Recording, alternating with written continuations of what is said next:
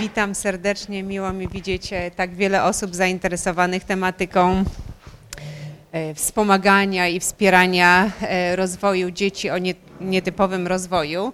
Mm, Ja nazywam się Monika Suchowierska i będę miała dzisiaj przyjemność porozmawiać z Państwem na temat efektywności terapii behawioralnej.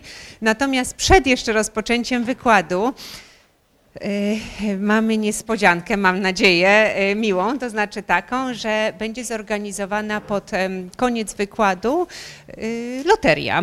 Y, Profesor Ostaszewski y, tutaj z SWPS-u, dziekan Wydziału Psychologii, y, dr Przemysław Bąbel z y, Uniwersytetu Jagiellońskiego i ja, y, jak to nam ostatnio ktoś powiedział, że popełniliście książkę, więc rzeczywiście popełniliśmy książkę. Y, Ta książka ma tytuł Analiza zachowania Wademekum e, i jest, no można powiedzieć, e, e, mam nadzieję, polepszoną, ulepszoną wersją analizy zachowania od A do Z. Tak więc jeżeli ktoś ma analizę zachowania od A do Z, to się bardzo cieszymy, ale jednocześnie namawiamy do zainteresowania się tą pozycją, bo tam no, jest, dużo, jest dużo zmian. Dobrze, ponieważ drodzy Państwo, no widzę wiele osób, bardzo mnie to cieszy, ale nie wiem jakie Państwo macie dotychczasowe doświadczenia edukacyjne i inne. Związane z autyzmem, to pozwoliłam sobie ten pierwszy slajd e, zrobić taki bardzo, bardzo podstawowy, to znaczy przypomnieć wszystkim, m, że autyzm i pokrewne zaburzenia należą do grupy tak zwanych całościowych zaburzeń rozwoju, co generalnie oznacza, że mimo ogromnych postępów, które zostały zrobione i w diagnozowaniu, w wieku stawiania diagnoz i w metodach terapeutycznych, które są coraz lepsze, to jednak jest cały czas e, autyzm i pokrewne mu zaburzenia są poważnymi zaburzeniami. Poważnymi dlatego, że mają rozległy e, charakter, czyli innymi słowy wiele podstawowych funkcji, bardzo ważnych funkcji, takich jak komunikowanie się, jak umiejętności społeczne. Teraz autyzm jest już bardzo często nazywany zaburzeniem komunikacji społecznej, e, są właśnie no, nieprawidłowo e, rozwijają się u dziecka. E, Inna, inaczej można o tym powiedzieć, że wiele podstawowych obszarów zostaje dotkniętych w tym samym czasie w znacznym stopniu. Czyli jest to takie zaburzenie, ja mówię, które no niestety, ale charakteryzuje się takimi horyzontalnymi trudnościami, problemami, nie wybiórczymi w jednej sferze albo no powiedzmy sobie w dwóch, tylko niestety horyzontalnymi. E, Następny slajd albo dwa, e, w następnym slajdzie albo dwóch chciałabym Państwu powiedzieć o tym, dlaczego istnieje dramatyczna potrzeba pomocy dzieciom z autyzmem i pokrewnymi zaburzeniami i to jak najbardziej efektywnej pomocy. Pierwszym argumentem jest to, że częstość występowania, diagnozowania e, ASD, czyli spektrum zaburzeń autystycznych, u dzieci e, jest to coraz częstsze diagnozowanie. Ostatnie dane podawane przez Centrum Kontroli Chorób w Ameryce mówią o tym, że jest ASD e, diagnozowane u jednej na 68 osób czyli bardzo często e, i o wiele, wiele częściej niż to było podawane jeszcze powiedzmy sobie, no prawdę mówiąc 5 czy 10, a tym bardziej 15 lat temu. E, Ze względu na właśnie e, to, że, że autyzm jest całościowym zaburzeniem rozwoju, skutki tego zaburzenia są najczęściej poważne, długotrwałe i one nie dotyczą samej osoby z diagnozą autyzmu, ale również jej rodziny, po prostu osób najbliższych. E, Z autyzmu nie można wyleczyć. E, Literatura jasno to określa. W związku z tym dzieci z ASD potrzebują o wiele więcej wsparcia i oddziaływań terapeutycznych niż dzieci z innymi zaburzeniami i konieczność pomocy w przypadku niektórych osób no, dużej pomocy jest kontynuowana w dalszych lata, latach życia osoby z ASD. Znowu, tak jak powiedziałam, dzięki coraz wcześniejszemu diagnozowaniu i coraz lepszym metodom terapii jest pewna grupa dzieci, które dobrze odpowiadają na terapię i mogą uzyskać wsparcie i zmiany w ich zachowaniu w dużym stopniu. Można powiedzieć, że są wyprowadzone, tak czasami się określa, w dobrym stopniu, czyli na przykład mogą funkcjonować samodzielnie w przedszkolu, szkole, a potem w życiu e, no, dalszym. Niemniej jednak cały czas jest pewna grupa osób, która właśnie potrzebuje dużego wsparcia do końca życia. E, z badań e, naukowców, również polskich, profesor Ewa Pisula na przykład z Uniwersytetu Warszawskiego, wiemy, że mm, poziom stresu doświadczany przez rodziny osób z autyzmem jest większy niż no, stresu rodzin, które mają dzieci nie, typowo rozwijające się, co jest oczywiste, ale również poziom, poziom stresu doświadczany przez rodziny E, dzieci dotkniętych innym zaburzeniem. Tutaj często grupą porównawczą są dzieci z zespołem Downa. Nie mamy e, opracowań, jeżeli chodzi takich ekonomicznych, jeżeli chodzi e, o Polskę, też niewiele, jeżeli chodzi o Europę, ale wiemy na przykład, że w Stanach Zjednoczonych koszt opieki mm, nad osobą z autyzmem w ciągu jej życia szacuje się na ponad 3 miliony E, dolarów i wiemy również, że ten koszt może być znacznie obniżony dzięki efektywnej wczesnej interwencji. E, zatem, biorąc te wszystkie e, informacje pod uwagę, istnieje dramatyczna potrzeba niesienia wczesnej i efektywnej pomocy dzieciom i osobom z autyzmem. E, to jest trudne zadanie, znowu biorąc pod uwagę e, e, rozległy charakter zaburzeń, ale ma, mamy ponad 50 lat doświadczeń mm, klinicznych, a także solidnie przeprowadzonych, dobrze przeprowadzonych pod względem metodologicznym badań naukowych, które mówią o tym, że jedną z najbardziej efektywnych, gdzie ta efektywność jest udokumentowana, metod terapii jest terapia oparta na założeniach stosowanej analizy zachowania, y, czyli terapia behawioralna, również nazywana terapią czasami nawet w literaturze polskiej ABA od Applied Behavior Analysis, czyli po angielsku właśnie stosowana analiza zachowania. W e, SAS e, wykorzystujemy techniki behawioralne do rozwiązywania społecznie ważnych problemów, no w tym wypadku właśnie niesienia pomocy dzieciom z ASD. Jest to rekomendowana metoda oddziaływań w pracy z osobami z ASD. E, niestety e, zaburzenia ze spektrum autyzmem są także, e, no w niektórych opracowaniach się spotkałam i pozwoliłam sobie ten termin użyć, magnesem mm, przyciągającym niesprawdzone metody oddziaływań. Niesprawdzone, czyli takie, gdzie albo jest bardzo niewiele badań naukowych mówiących o efektywności tych metod, albo te badania, które są mm, po prostu są metodologicznie Y, niewystarczająco dobre, żeby można było ufać ich wynikom. Y, wiemy, że około 1 trzecia nowo zdiagnozowanych dzieci z ASD jest poddawane takim oddziaływaniom, a w no, ciągu całego, można powiedzieć, procesu czy swojej historii terapeutycznej mm, jest to około 3, 3 y, czwartych e, dzieci. Pozwoliłam, pozwolę sobie tutaj też przez minutkę bądź dwie porozmawiać z Państwem na temat e, badania, mm, które zostało wykonane no wprawdzie 10 lat temu, mm, ale y, no, są nowsze badania, które pokazują z grubsza to samo.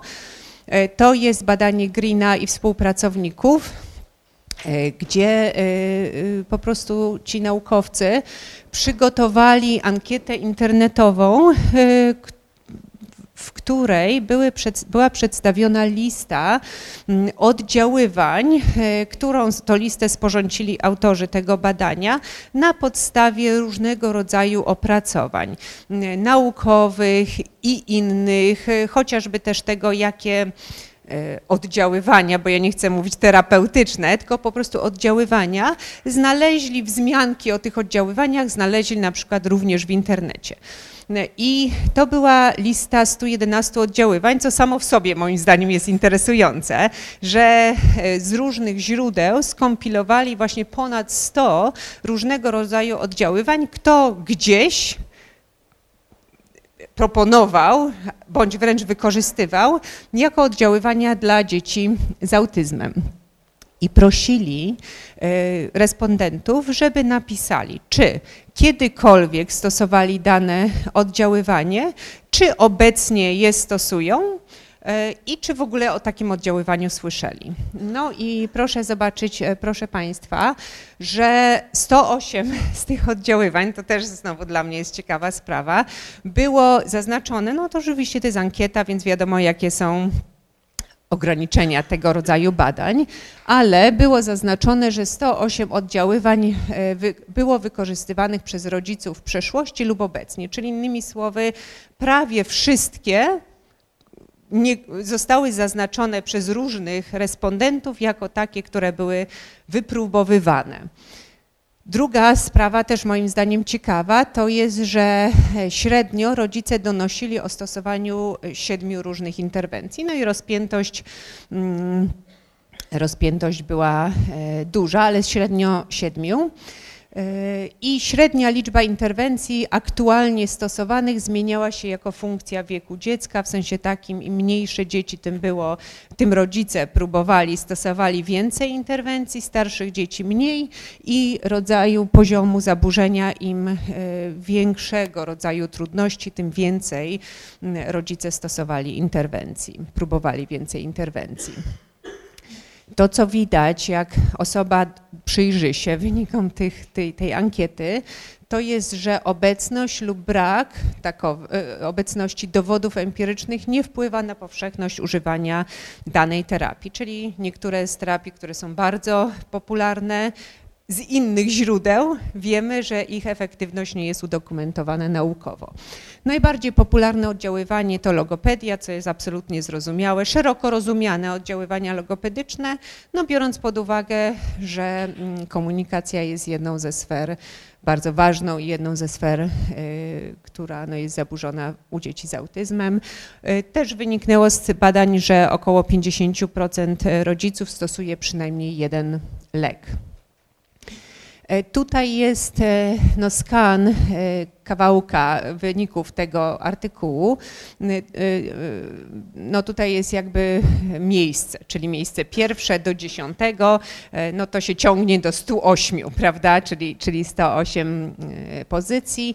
Jak Państwo widzicie, na pierwszym miejscu jest logopedia, i około 70% zaznaczyło, że jest obecnie używana. Tutaj w tej, w tej kolumnie jest obecnie używana. E, no i dalej są e, na przykład no, wsparcie wizualne, czyli po prostu plany aktywności, integracja sensoryczna na trzecim miejscu, na czwartym miejscu właśnie stosowana analiza zachowania, historyjki społeczne na piątym, ale suplementacja witaminą C, witaminą B6 dalej idzie, mm, e, kwasy, stosowanie suplementacji,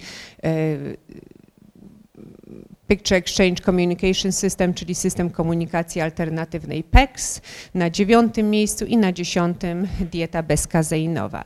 Ja pokazuję to Państwu, tak jak wspomniałam, to jest tylko pierwsza dziesiątka, bo w dalszych naszych rozważaniach zobaczycie Państwo, że e, niektóre z tych metod y, po prostu nie mają nie są, nie, są, nie są udowodnione naukowo. Czyli to jest to, co mówiłam na poprzednim slajdzie, że e, efektywność nie wiąże się z popularnością. Akurat w tym badaniu, ale tak jak mówię, te badania, znaczy wyniki są e, zreplikowane e, kilkakrotnie. No więc poda, po, pojawia się pytania, dlaczego niesprawdzone oddziaływania są popularne? No one są popularne, dlatego że w pierwszej dziesiątce najbardziej popularnych metod znalazły się również te, których właśnie, o których efektywności bądź jej braku nie wiemy. E, swego czasu w takim magazynie Świat Nauki kilka lat temu był artykuł pod tytułem We mgle nadziei. No i właśnie też tam e, było powiedziane e, to samo, tak, że, że, że no rodzice, akurat ten artykuł był napisany przez e, tatę dziecka z autyzmem, który przy okazji był lekarzem medycyny, no bardzo wykształcenie dobre. I w bardzo dużym skrócie ten artykuł mówił o, o historii decyzji tego taty, względem terapii swojego synka, który otrzymał diagnozę autyzmu. No i ten y, autor, ten tata pisze, że nie był w stanie się oprzeć przez pierwsze no, kilka miesięcy, rok, około, około roku, nie był w stanie się oprzeć różnego rodzaju metodą, które wiedział, taki jego trening, że tak powiem, e, jeżeli chodzi o edukację, był taki, że nie powinien ich stosować, bo one znowu nie były udowodnione naukowo, czyli, czyli we mgle nadziei. Tak, była nadzieja, ale że może pomogą, ale to jednak e, bardzo mało informacji. Podjęli z żoną decyzję jednak o ich stosowaniu i dopiero po mniej więcej roku no jakoś zarzucili ten, e, ten tryb podejmowania decyzji, zdecydowali się no jednak na ograniczenie do terapii, które, o których wiemy, oni wiedzą, że działają. I dlaczego tak jest? E, między innymi tak jest, ponieważ poważne skutki na rodzinie motywują rodziców do jakiegokolwiek działania. Mm, znowu tak kolokwialnie e, rzecz ujmując, ale to niektóre osoby mówią, że, że trafnie, że, że tonący brzytwy się chwyta. Tak, że, że, ja, że jest po prostu tak poważne zaburzenie, że motywuje do tego, żeby próbować różnych oddziaływań. E, drugi powód to jest taki, że autyzm jest zaburzeniem nieharmonijnym. Czyli może być taka sytuacja i często jest, że dziecko czy osoba funkcjonuje nadzwyczaj dobrze w pewnych sferach, w innych natomiast o wiele trudniej sobie radzi, poniżej swojego wieku biologicznego. Czyli taka pozorna normalność w cudzysłowie oczywiście, fizyczna albo poznawcza, bo właśnie to jest ta sfera, w której dziecko dobrze funkcjonuje, niesie nadzieję na szybkie wyleczenie. I często rodzice o tym mówią, mówią, że, że właśnie gdyby on tylko zaczął, no i trzy kropeczki. Najczęściej to jest mówić, albo lepiej się zachowywać, albo nie powtarzać. To wszystko byłoby dobrze. Czyli jest tak na wyciągnięcie ręki, można powiedzieć, dla rodziców. Heterogeniczność populacji, jej różnorodność wpływa na to, że sukces niektórych dzieci e, no i, i, i, i jakby informacje o tym płynące od rodzica do rodzica powodują, że drugi rodzic mówi, to ja też w takim razie będę stosowała czy stosował tą metodę, którą ty stosujesz. Co no nie jest e, pewnie e, dobrym rozwiązaniem, dlatego że ta dwójka dzieci może być bardzo inaczej funkcjonująca, po pierwsze, a po drugie, tak jak te badania Green nam pokazały, jeżeli rodzic wykorzystuje kilka różnych terapii, to tak na, i mówi, że na przykład zacząłem czy zaczęłam stosować tą terapię i zobacz, mojemu dziecku e, się szybko polepszyło, to my nie wiemy tak naprawdę, e, czego wynikiem jest to polepszenie. Czy to jest rzeczywiście tego danego oddziaływania, czy na przykład innego, zupełnie niezwiązanego, bądź wynik kumulatywny, tak, wszystko naraz. Nie mamy pełnej wiedzy na temat autyzmu, wiele niewiadomych cały czas istnieje, a zwłaszcza jego przyczyn, co prowadzi do wielu hipotez dotyczących etiologii. Te hipotezy, te teorie nie są udowodnione. My nie wiemy, czy tak rzeczywiście jest, jeśli chodzi o genezę autyzmu, a na podstawie tych hipotez są tworzone oddziaływania terapeutyczne. E, no i jeżeli jest błędna hipoteza, to to oddziaływanie terapeutyczne pewnie też nie jest zasadne. E, no, żyjemy w dobie internetu, w związku z tym rozpowszechnienie informacji w internecie również powoduje, że właśnie niesprawdzone metody są stosowane, bo, bo różne informacje można znaleźć i często nie są one naukowe. I ostatni punkt, ale, ale ważny i znowu niestety obecny, to, że e, jest ogromna potrzeba mm, niesienia pomocy i niektóre, niektóre osoby o tym wiedzą i wykorzystują to do celów zarobkowych. Tak proponują różne metody, które właśnie nie są udowodnione naukowo, przedstawiają je jako takowe. No i Y, bazują, żeby nie powiedzieć żerują, na bardzo y, takiej populacji osób, które, którą chcą, które chcą dla swojego dziecka jak najlepiej, czyli dla na rodzicach dzieci z autyzmem. Y, opracowania różne, mówiące o tym, jak powinna wyglądać terapia dla dzieci z autyzmem, podają takie jej cechy. Jest efektywna, to jakby jasne, ale efektywność określa się w literaturze jako mm, zmiany w symptomach autystycznych. Ja tego nie powiedziałam, ale nie istnieje test. Medyczny, neurologiczny, psychologiczny, który, któremu jeżeli osoba byłaby poddana, to można by powiedzieć na podstawie wyników tego testu właśnie z krwi czy, czy jakichś innych markerów, osoba ma autyzm. Autyzm jest diagnozowany behawioralnie, czyli na podstawie symptomów. W związku z tym efektywność określa się jako takie oddziaływania, które redukują w znaczącym stopniu te symptomy, które spowodowały, ich obecność spowodowała, że dziecko dostało diagnozę autyzmu. I czas rozpoczęcia terapii, e, im szybciej, tym lepiej. W dobie obecnej mówi się o dwóch latach. Kiedyś było, że przed ukończeniem czwartego roku życia, teraz prawdę mówiąc, jak do, do nas, czyli do, do miejsca, w którym pracuję, przychodzi dziecko, które ma na przykład 3,5-4 lata, to my mówimy, że to już jest starsze dziecko do rozpoczęcia terapii. Ciągłość, kompleksowość i intensywność interwencji, znowu ze względu na rozległy charakter trudności, mm, interwencja nie może mm, trwać dwa miesiące, trzy miesiące, prawda, jakiś turnus stosunkowo krótki. E, literatura mówi o wczesnej, intensywnej interwencji jako o dwóch latach pracy około dwóch lat pracy. Wiadomo, że to troszeczkę może się różnić od dziecka do dziecka, ale około dwa lata pracy intensywność swego czasu podawano takie już bardzo, e, no właśnie często wymieniane 40 godzin tygodniowo. Obecnie mówi się o tym, że intensywna terapia to jest terapia, która ma 20-25 godzin terapii tygodniowo. E, na rzecz od, e, terapii wspierających, czyli plus, terapie wspierające i praca z rodziców, z dzieckiem, czyli generalizacja na środowisko domowe. Zindywidualizowanie oddziaływań, e, terapia jest czaso i pracochłonna, dlatego że jest przygotowana dla każdego dziecka indywidualnie, biorąc pod uwagę jego możliwości i potrzeby.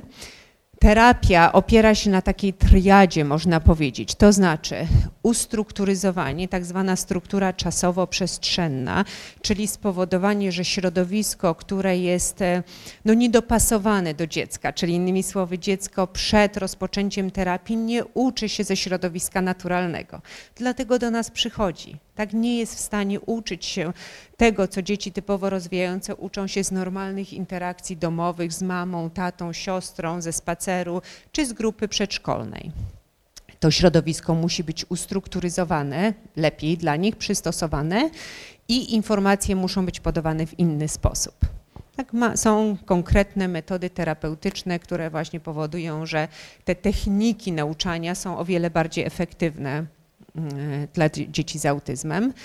Funkcjonalność terapii, tak, uczenie umiejętności, które dziecko no, praktycznie od razu może wykorzystać. Bo, bo, wtedy nie mamy problemu między innymi z tak zwaną generalizacją, czyli, czyli, czyli ono jest w stanie od razu przenieść te umiejętności, czy z naszą pomocą na życie codzienne i powtarzanie. E, znowu dawno odeszło się od tego takiego, no można powiedzieć, tradycyjnego, że 10 prób pod rząd, że ćwiczymy, ćwiczymy, prawda, że to jest takie mozolne.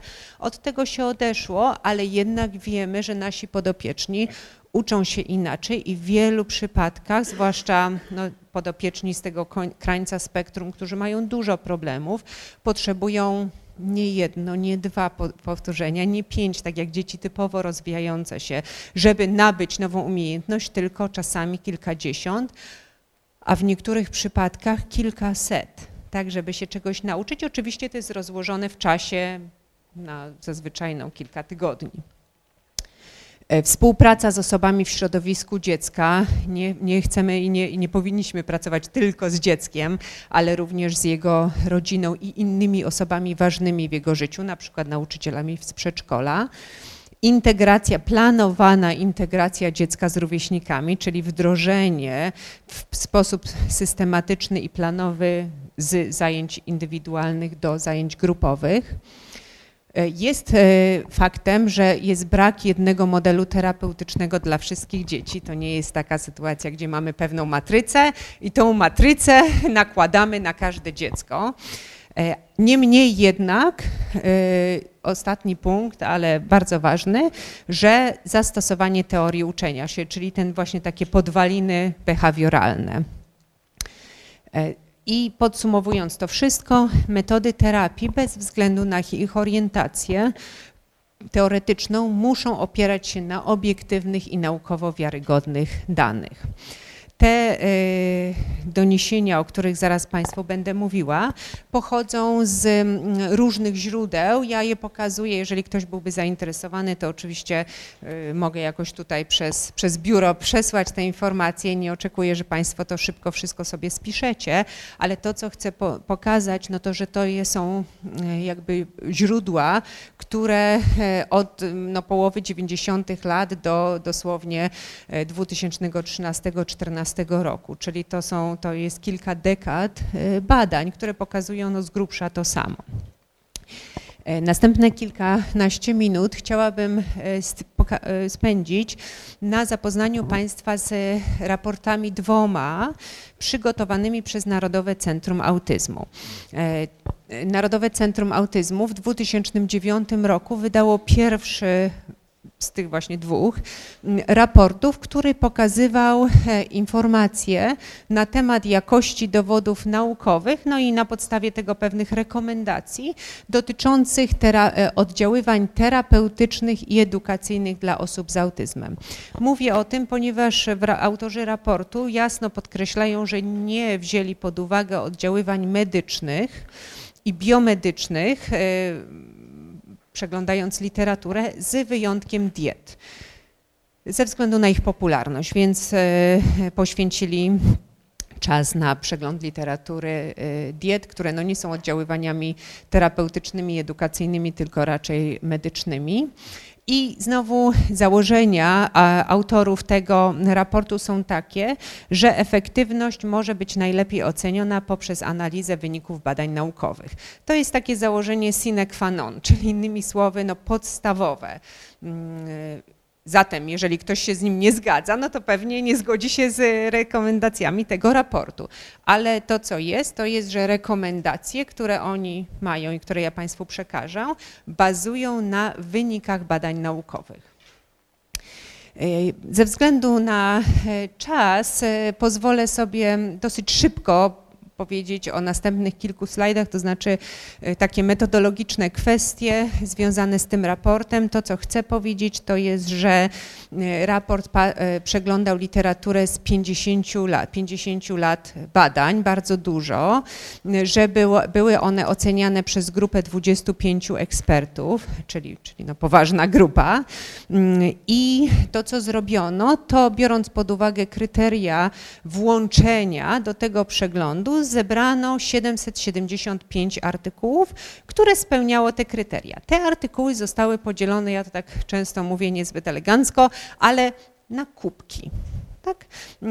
I tych kubek, czyli rodzajów oddziaływań, było 38, co też nam e, jakby nie, to nie jest 111, ale mówi, że na podstawie tego raportu wiemy, że jest około 40 różnych oddziaływań tylko edukacyjnych i terapeutycznych, nie włączając medycznych oprócz diet.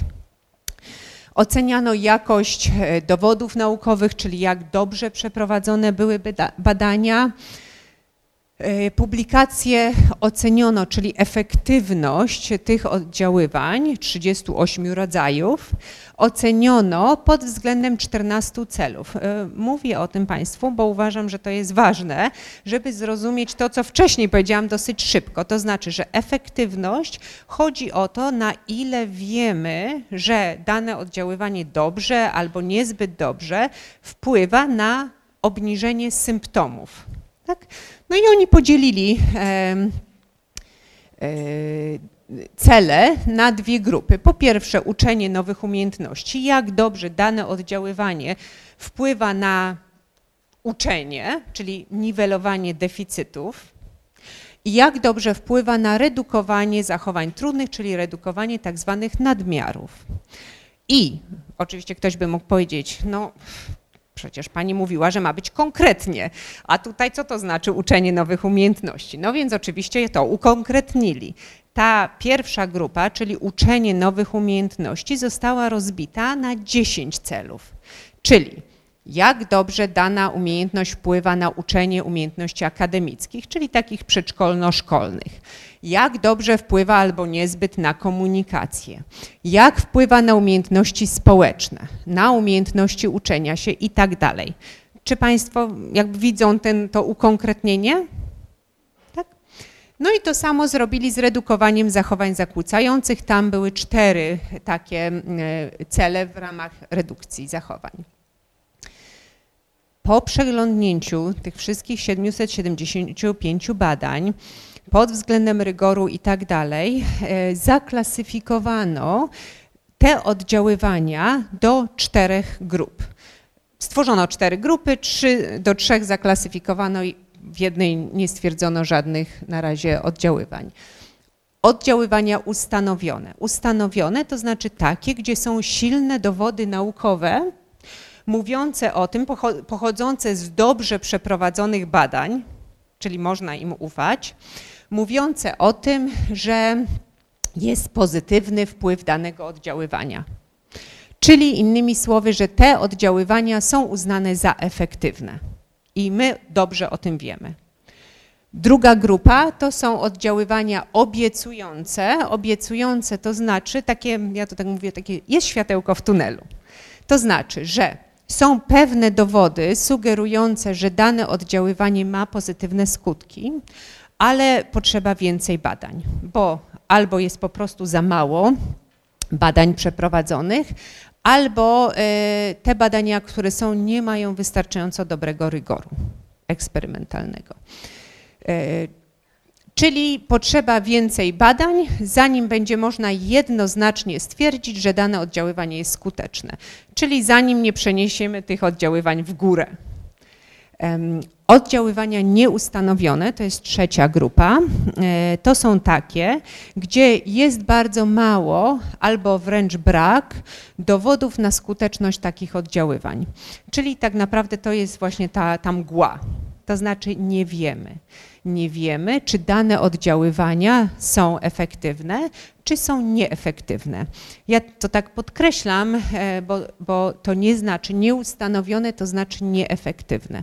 To znaczy, że my po prostu nie mamy informacji na temat ich ewentualnej efektywności, ale również ewentualnego braku efektywności. My po prostu nie wiemy. Czyli trzeba wykonać w ogóle jakieś badania, żeby stwierdzić, czy oddziaływanie jest efektywne, nieefektywne, no albo ewentualnie szkodliwe. I w końcu ta czwarta grupa to są oddziaływania szkodliwe, nieefektywne. To znaczy, że są dowody naukowe mówiące o negatywnym wpływie tej, tego oddziaływania.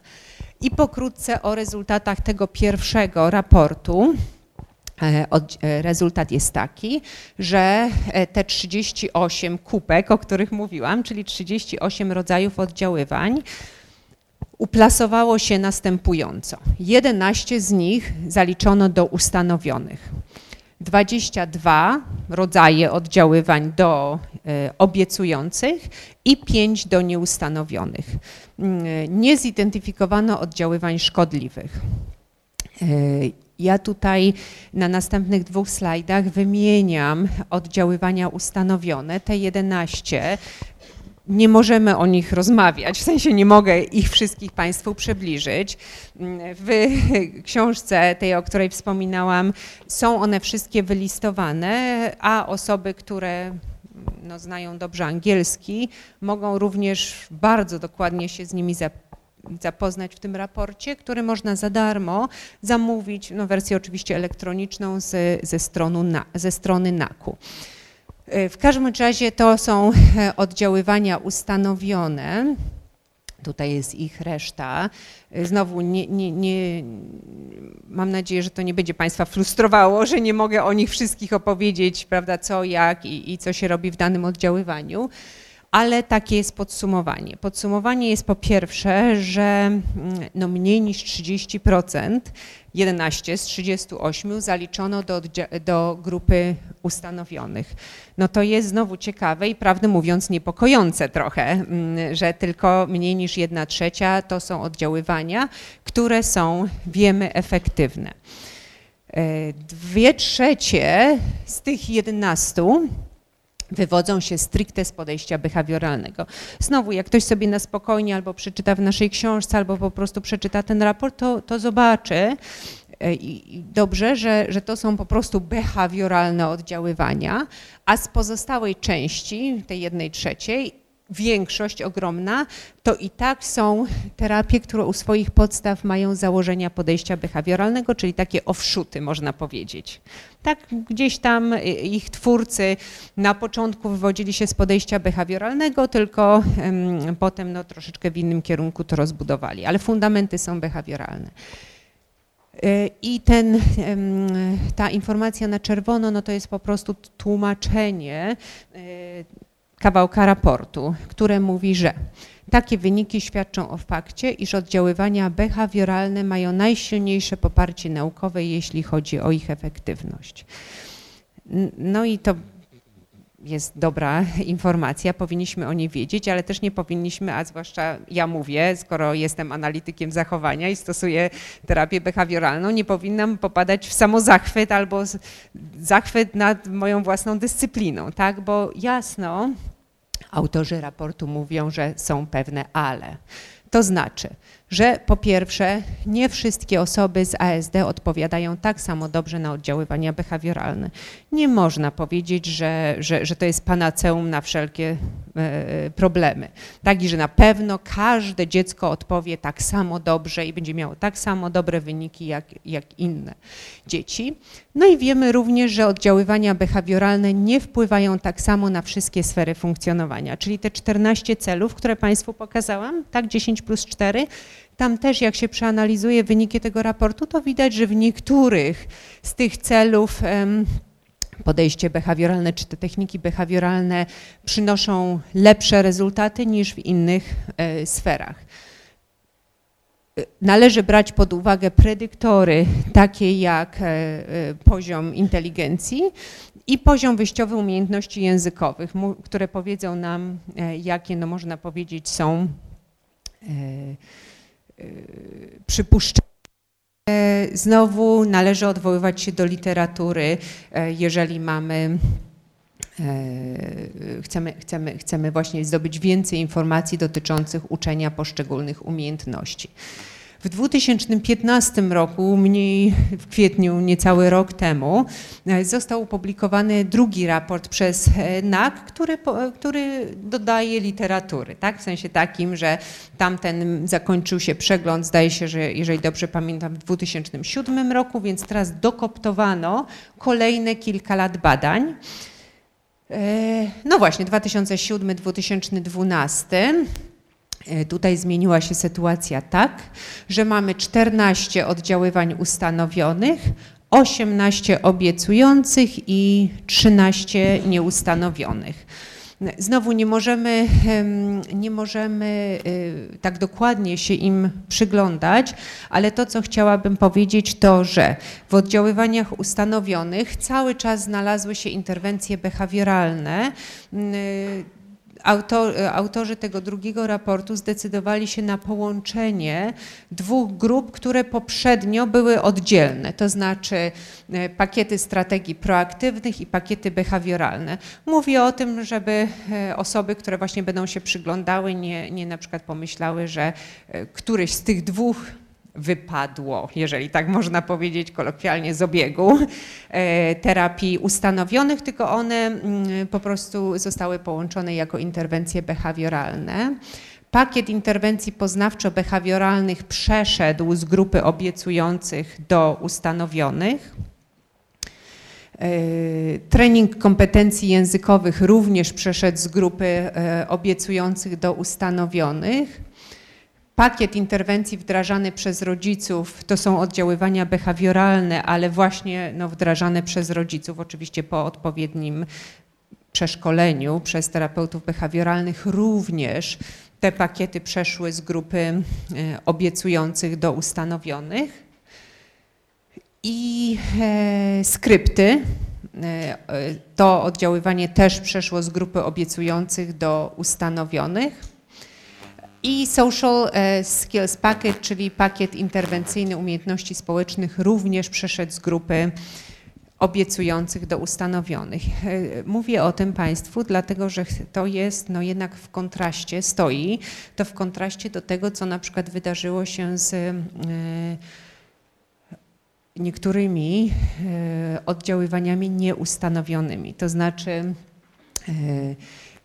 w grupie oddziaływań obiecujących tam też były pewne e, drobne zmiany, natomiast w grupie oddziaływań nieustanowionych, pięć, których było pięć w tym pierwszym raporcie, cztery z nich po prostu zostały cały czas, mimo upływu czasu i ewentualnej możliwości prowadzenia badań i zobaczenia, prawda, co się dzieje, zostały w grupie cały czas nieustanowione, czyli czyli jest e, brak, brak informacji.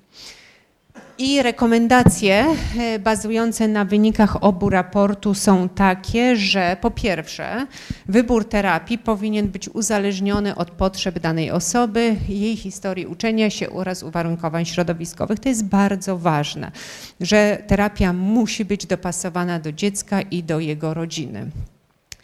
Oddziaływania z grupy ustanowionych powinny być brane w poważnym stopniu pod uwagę przy wyborze terapii dla osób z ASD. Czyli innymi słowy, ja o tym mówię tak, że te rekomendacje znaczą, że oddziaływania z grupy ustanowionych, które no znowu jasno pokazane jest, że to są oddziaływania behawioralne, powinny być takim trzonem terapeutycznym. To znaczy i największa liczba godzin terapeutycznych powinna być spędzona na e, różnego rodzaju oddziaływaniach, które właśnie są technikami behawioralnymi. Natomiast oddziaływania z grupy obiecujących, y, tutaj według autorów tego raportu, nie powinny być wdrażane w pierwszym etapie terapii, co jest logiczne z tego względu, że to jest etap początkowy i dziecko powinno mieć spójność oddziaływań. I jeżeli ten trzon terapeutyczny te 20 czy 25 godzin, o których mówiłam, są oddziaływaniami behawioralnymi, to dziecko jest, no my to mówimy, wdrażane do terapii, przystosowane do uczenia się. Ono się uczy uczyć. Tak przez pierwsze, pierwsze kilka miesięcy, a w późniejszym czasie e, to może być po kilku miesiącach, może być po roku terapii, to też zależy od dziecka. E, oddziaływania z grupy obiecujących e, mogą być wdrażane jako tak zwane wspomagające oddziaływania. Bądź jeżeli dla danej osoby, co może się zdarzyć oczywiście, oddziaływania z grupy ustanowionych nie przyniosły oczekiwanych zmian albo nie są dopasowane na przykład do filozofii rodziców. No, terapia behawioralna jest terapią dyrektywną i są rodzice, którzy inaczej patrzą po prostu na wychowanie dziecka. Tak nie mówię o, o terapii dziecka nietypowo rozwijającego się, tylko się inaczej po prostu patrzą na w ogóle aspekt wychowania, uważają, że powinno być mniej dyrektywne i w związku z tym mówię jakby z doświadczenia klinicznego. Prosto mówią, że my wolelibyśmy spróbować z terapią, która po prostu filozoficznie, że tak powiem, jest inna. I bardzo dobrze, że o tym wiedzą na samym początku. Tak i wtedy dla takich rodzin właśnie oddziaływania z grupy obiecującej e, mogą być wdrożone na początku. No i oddziaływania z grupy nieustanowionych według autorów raportu nie powinny być stosowane, póki nie będziemy mieć lepszych informacji na temat efektywności efektywności, ich efektywności bądź ich braku.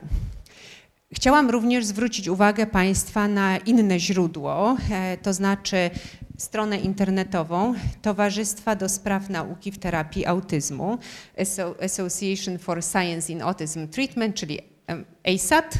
No i ich strona tutaj internetowa, tam jest bardzo rozbudowana e, część, podstrona mówiąca o metodach opartych na dowodach, czyli evidence-based practice.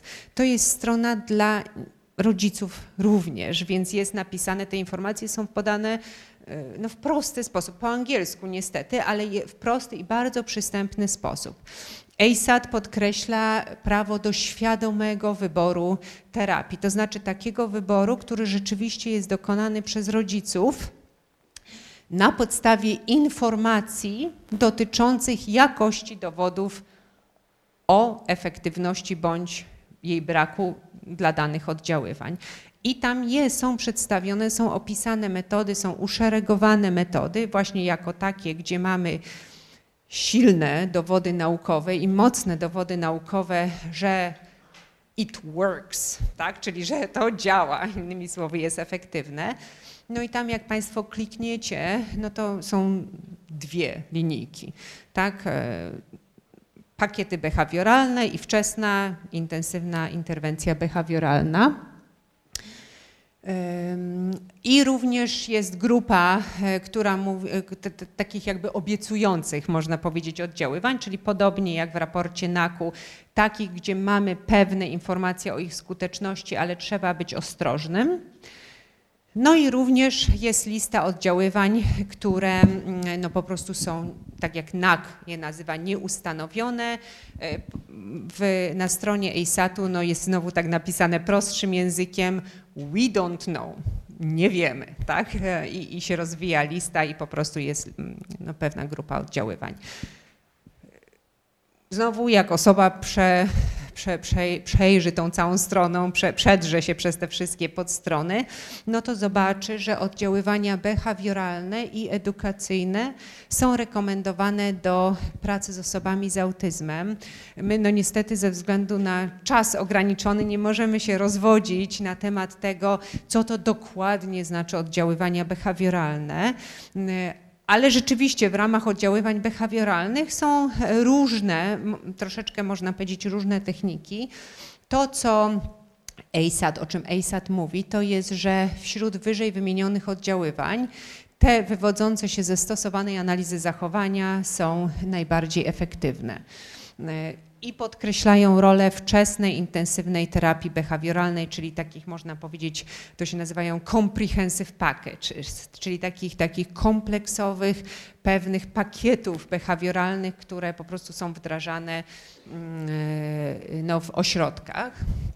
Mówią też o tym, że techniki behawioralne są skuteczne w uczeniu innymi umiejętności komunikacyjnych, społecznych, zabawy oraz w zmniejszaniu poziomu zachowań zakłócających uczenie się ja dodałam, znaczy ten punkt chciałam przekazać ze względu na pewne nieporozumienia, które dotyczą terapii behawioralnej, gdzie na przykład jest mówione, że, że owszem, terapia behawioralna, proszę bardzo, ale to głównie dla niegrzecznych dzieci, bo, bo behawioryści to uczą głównie niegrzeczne dzieci, jak być grzecznym co oczywiście nie jest e, poprawne, jest, jest bardzo dużym uproszczeniem, jest nieporozumieniem i e, dlatego właśnie chciałam tutaj podkreślić, że że, że, techniki behawioralne skutecznie można wykorzystywać w uczeniu różnych umiejętności.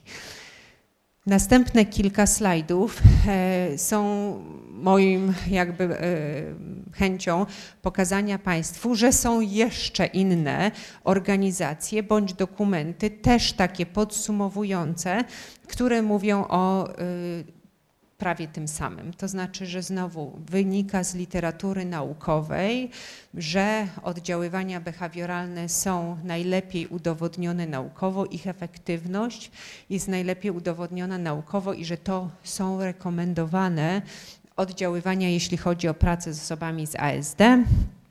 Jeżeli kogoś by znowu zainteresowało, to, to, to ja bardzo chętnie udostępnię właśnie te informacje. Można, można na, w, w tych dokumentach też poszukać. Tutaj jest raport NAKU.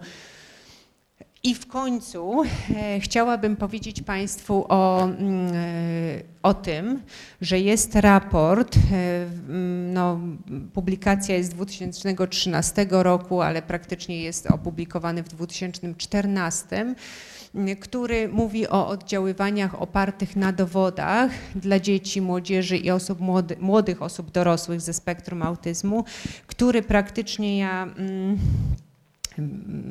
te slajdy prze, y, no, ze względu na czas i chciałabym zostawić Państwu pytania, czas na pytania y, y, po prostu przewinęłam, ale wyniki tego raportu są bardzo zbieżne.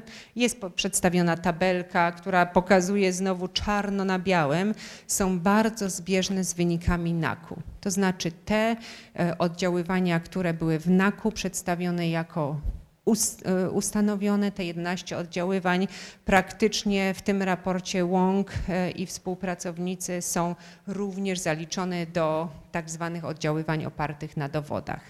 Więc podsumowując e, te slajdy dotychczasowe, pytanie jest, co powinni robić profesjonaliści, a także rodzice, którzy, którzy, którzy chcą decyzję podjąć dotyczącą pracy z dziećmi z ASD.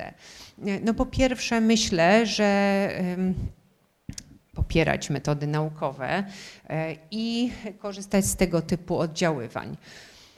Po drugie, opierać się, co nie jest łatwe dla, dla nas, mówię z punktu widzenia profesjonalisty, i przypuszczam, że jest bardzo trudne również dla rodziców, ale opierać się, tutaj napisałam kuszącym, kuszącym w sensie takim, że w broszurce kolorowej, ładnej można bardzo wiele napisać różnych rzeczy, mm, ale opierać się kuszącym ofertom pseudonaukowym, a jakie one, jakie to są te metody czy oferty pseudonaukowe, no wiemy, bo one są z tej grupy e, nie są z grupy ustanowionych i nie są z grupy obiecujących, najpewniej raczej z grupy nieustanowionych. Wymagać odpowiedzialności, sprawczości i obiektywnych danych, czyli innymi słowy dopominać się od osób, które stosują oddziaływania z naszymi dziećmi, z naszymi podopiecznymi, żeby pokazali właśnie zmiany, te konkretne zmiany, chociażby w tych 14 sferach, o których wspominałam być sceptycznym, to znaczy zawsze mieć takiego sceptyka właśnie z tyłu głowy, czy to na pewno tak jest, czy ja jestem przekonana, przekonany. Zdobywać informacje z odpowiednich źródeł, no ja tutaj znowu starałam się Państwu pokazać kilka przykładów takich źródeł. No i jeżeli cesarz nie ma na sobie szat, to się odzywać, tak? Czyli innymi słowy, jeżeli, jeżeli na przykład, mówię już teraz konkretnie o, o profesjonalistach, o terapeutach, jeżeli na przykład rodzic pyta się o jakiegoś rodzaju oddziaływanie i my wiemy, z na przykład takich opracowań, które przedstawiłam o rekomendacjach dotyczących tego oddziaływania, to po prostu powiedzieć, jakie one są. I ja zawsze tak mówię i tak też przed Państwem powiem, że to jeżeli rodzic mnie pyta o informacje, jeżeli się mnie pyta o decyzję, to ja zawsze mówię, że ja nie mogę tej decyzji podjąć, tak? bo to jest nie moja rola, tak? to, jest, to, jest, to jest rola rodzica, bo jest dziecko rodzica. Natomiast jeżeli pyta się mnie o informacje na temat danego oddziaływania i ja te informacje mam, to zawsze podkreślam, że to nie jest moja opinia że to nie ja tak uważam, że według mnie to trzy kropeczki, tylko mówię, że mamy informacje z takiego i takiego źródła, które mówi nam o no i myślę, że, że jakby to moje działanie się wpisuje w przypadku niektórych oddziaływań właśnie w ten ostatni punkt. Także bardzo dziękuję Państwu za uwagę. Jakoś w miarę się zmieściłam w czasie i jeżeli są pytania, to zapraszam.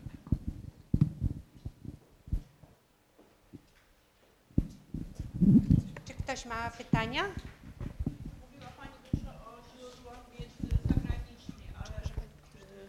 Dużo Pani mówiła o źródłach wiedzy takiej konkretnej, sprawdzonej, e, angielskojęzycznej, ale czy są pozycje takie praktyczne, które e, w języku polskim Pani szczególnie poleciła do pracy z dziećmi, praktycznej pracy z dziećmi?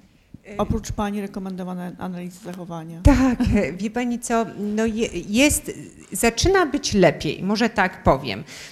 Znowu, jeżeli e, ja nie mam teraz tego przygotowanego tak, żeby Państwu wyświetlić, jak gdybym nawet miała, to i tak to jest kilkanaście, bądź już nawet teraz dzięki Bogu kilkadziesiąt pozycji. No ale no właśnie, gdyby to Pani moje była pytanie, bo z czego wybierać, bo dużo jest i co wybrać właściwie? Jeżeli Pani byłaby zainteresowana, ja prawdę mówiąc nie wiem, jaki byłby mechanizm, ale rozumiem, że jak tutaj się porozumiem z, z organizatorami, to Państwo moglibyście osobom zainteresowanym przesłać, prawda? I ja wtedy mogę przesłać taką listę. To jest wybrana lista, w sensie takim, że oczywiście nie wszystko, ale pozycji, które mówią o właśnie no, oddziaływaniach opartych na dowodach. E, jest e, również strona, to jest, to jest mała, że tak powiem, pozycja, ale strona prosta, nasza polska, terapeuta behawioralny.pl po prostu i e, w aktualnościach tam za, zamieszczane są, e, na przykład jest prezentacja właśnie streszczająca ten e, raport Wonga, o którym mówiłam. Więc przynajmniej no, po kawałku, po kawałku, ale proszę jakoś tutaj, nie wiem, czy Pani mogłaby powiedzieć, jak to zrobić potem, ale ja chętnie prześlę wszystkie informacje i te osoby, które będą chciały do Państwa napisać, to prześlę. Nie jest, nie jest idealnie, tak, ale no mam nadzieję, że w dobrym kierunku idziemy. To znaczy jest coraz więcej publikacji mm, no, na papierze, artykułów czy wręcz książek i pojawiają się na stronach internetowych właśnie no, najczęściej tłumaczenia tych raportów. Także dziękuję, to dobre, ważne pytanie.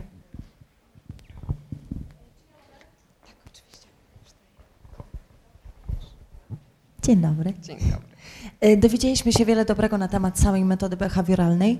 Czy istnieją jakieś rekomendowane ośrodki, w których e, praktyczną wiedzę pracy metodą behawioralną tak, mogli? Tak, to akurat też bardzo dobre pytanie. E, dziękuję za nie. Ta strona internetowa terapeutabehawioralny.pl to jest strona, która... Mm, daje informacje na temat systemu e, PLTB. System PLTB to jest Polska Licencja Terapeuty Behawioralnego. To jest system, który od kilku lat działa i naprawdę bardzo prężnie się rozwija, który pomaga osobom w zostaniu właśnie terapeutą behawioralnym. I tam właśnie jest lista ośrodków. I te ośrodki, które są tak zwanymi ośrodkami behawioralnymi albo współpracującymi z systemem, to są ośrodki, w których no, jest prowadzona terapia behawioralna. W tej naszej książce, e, zaraz zobaczę, bo nie pamiętam, ale zaraz, przepraszam. Mm, o proszę, analiza zachowania w Polsce, ośrodki akademickie i terapeutyczne stowarzyszenia, publikacje. I to jest rozdział, drodzy Państwo, końcowy. E, szósty. Tak, szósty. I tutaj, tutaj w szóstym rozdziale jest po prostu lista, no to, bo to było wydane na początku e, obecnego roku, ta książka, więc aktualna lista ośrodków behawioralnych. Te ośrodki, które współpracują z systemem PLTB, organizują staże i praktyki i można się zapisać na staże bądź praktyki. Są organizowane szkolenia, też na tej stronie można dowiedzieć się, gdzie są szkolenia. Są w miastach, w różnych miastach, Krakowie, Gdańsku, Warszawie, Poznaniu, e, Bydgoszczy, Toruniu, w różnych miastach Polski, tak? Więc, więc też można się tak szkolić, jeżeli ktoś byłby zainteresowany. Dziękuję. To ja dziękuję.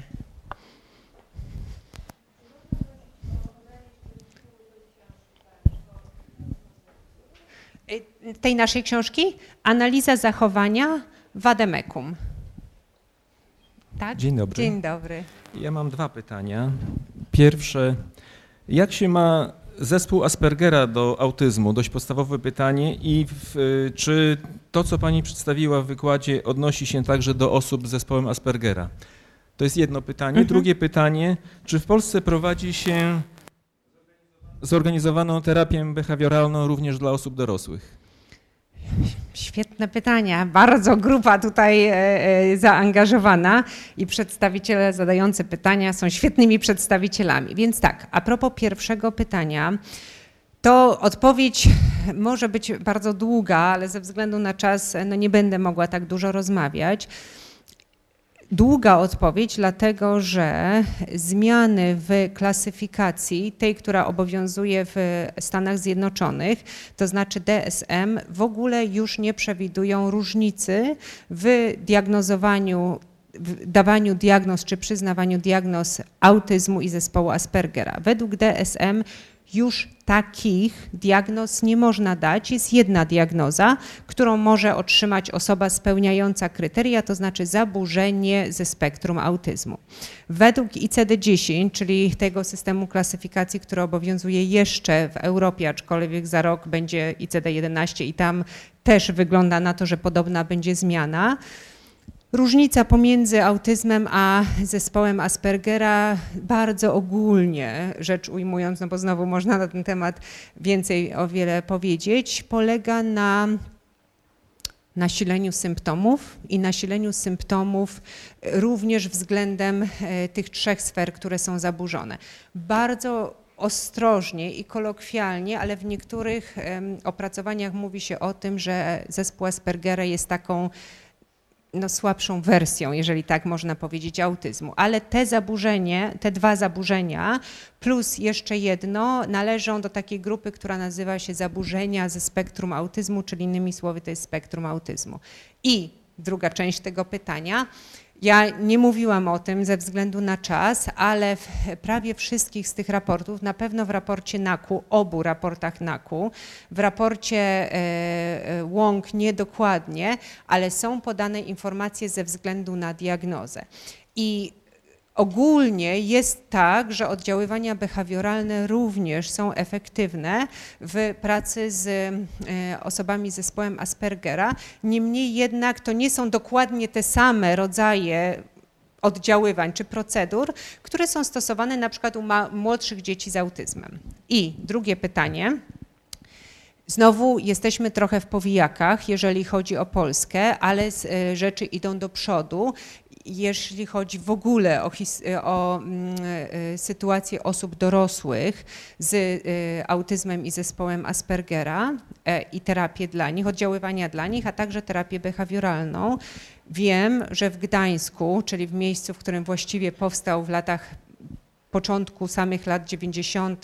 ośrodek dla dzieci wtedy z autyzmem, ośrodek behawioralny, pierwszy ośrodek behawioralny, ponieważ dziecko założycieli tego ośrodka, czyli pani Małgorzaty Rybickiej i jej zmarłego męża Arama Rybickiego, a Antoni e, no, miał diagnozę wtedy autyzmu i nie było dla niego i innych dzieci z e, diagnozą autyzmu po prostu odpowiednich miejsc. Antoni urósł, wydoroślał, e, ale cały czas potrzebuje pomocy i jego koledzy i koleżanki w jego wieku, 20 plus lat, również potrzebują pomocy i wiem, że pani Rybicka i inne osoby ze Stowarzyszenia SPOA, czyli Stowarzyszenia Pomocy Osobom Autystycznym, bardzo silnie działają ku temu, żeby stworzyć właśnie taki ośrodek dla osób z autyzmem. Tak więc, jeżeli Pan byłby zainteresowany, to proszę pójść na stronę SPOA, czyli Stowarzyszenie Pomocy Osobom Autystycznym i tam jedna z zakładek to właśnie jest, ja nie, nie pamiętam, przepraszam teraz jak dokładnie się nazywa, ale jest jasne z tej zakładki, że to jest o wsparciu osób dorosłych i tam można dokładnie doczytać, co jest robione. Bardzo dziękuję za wyczerpujące odpowiedzi.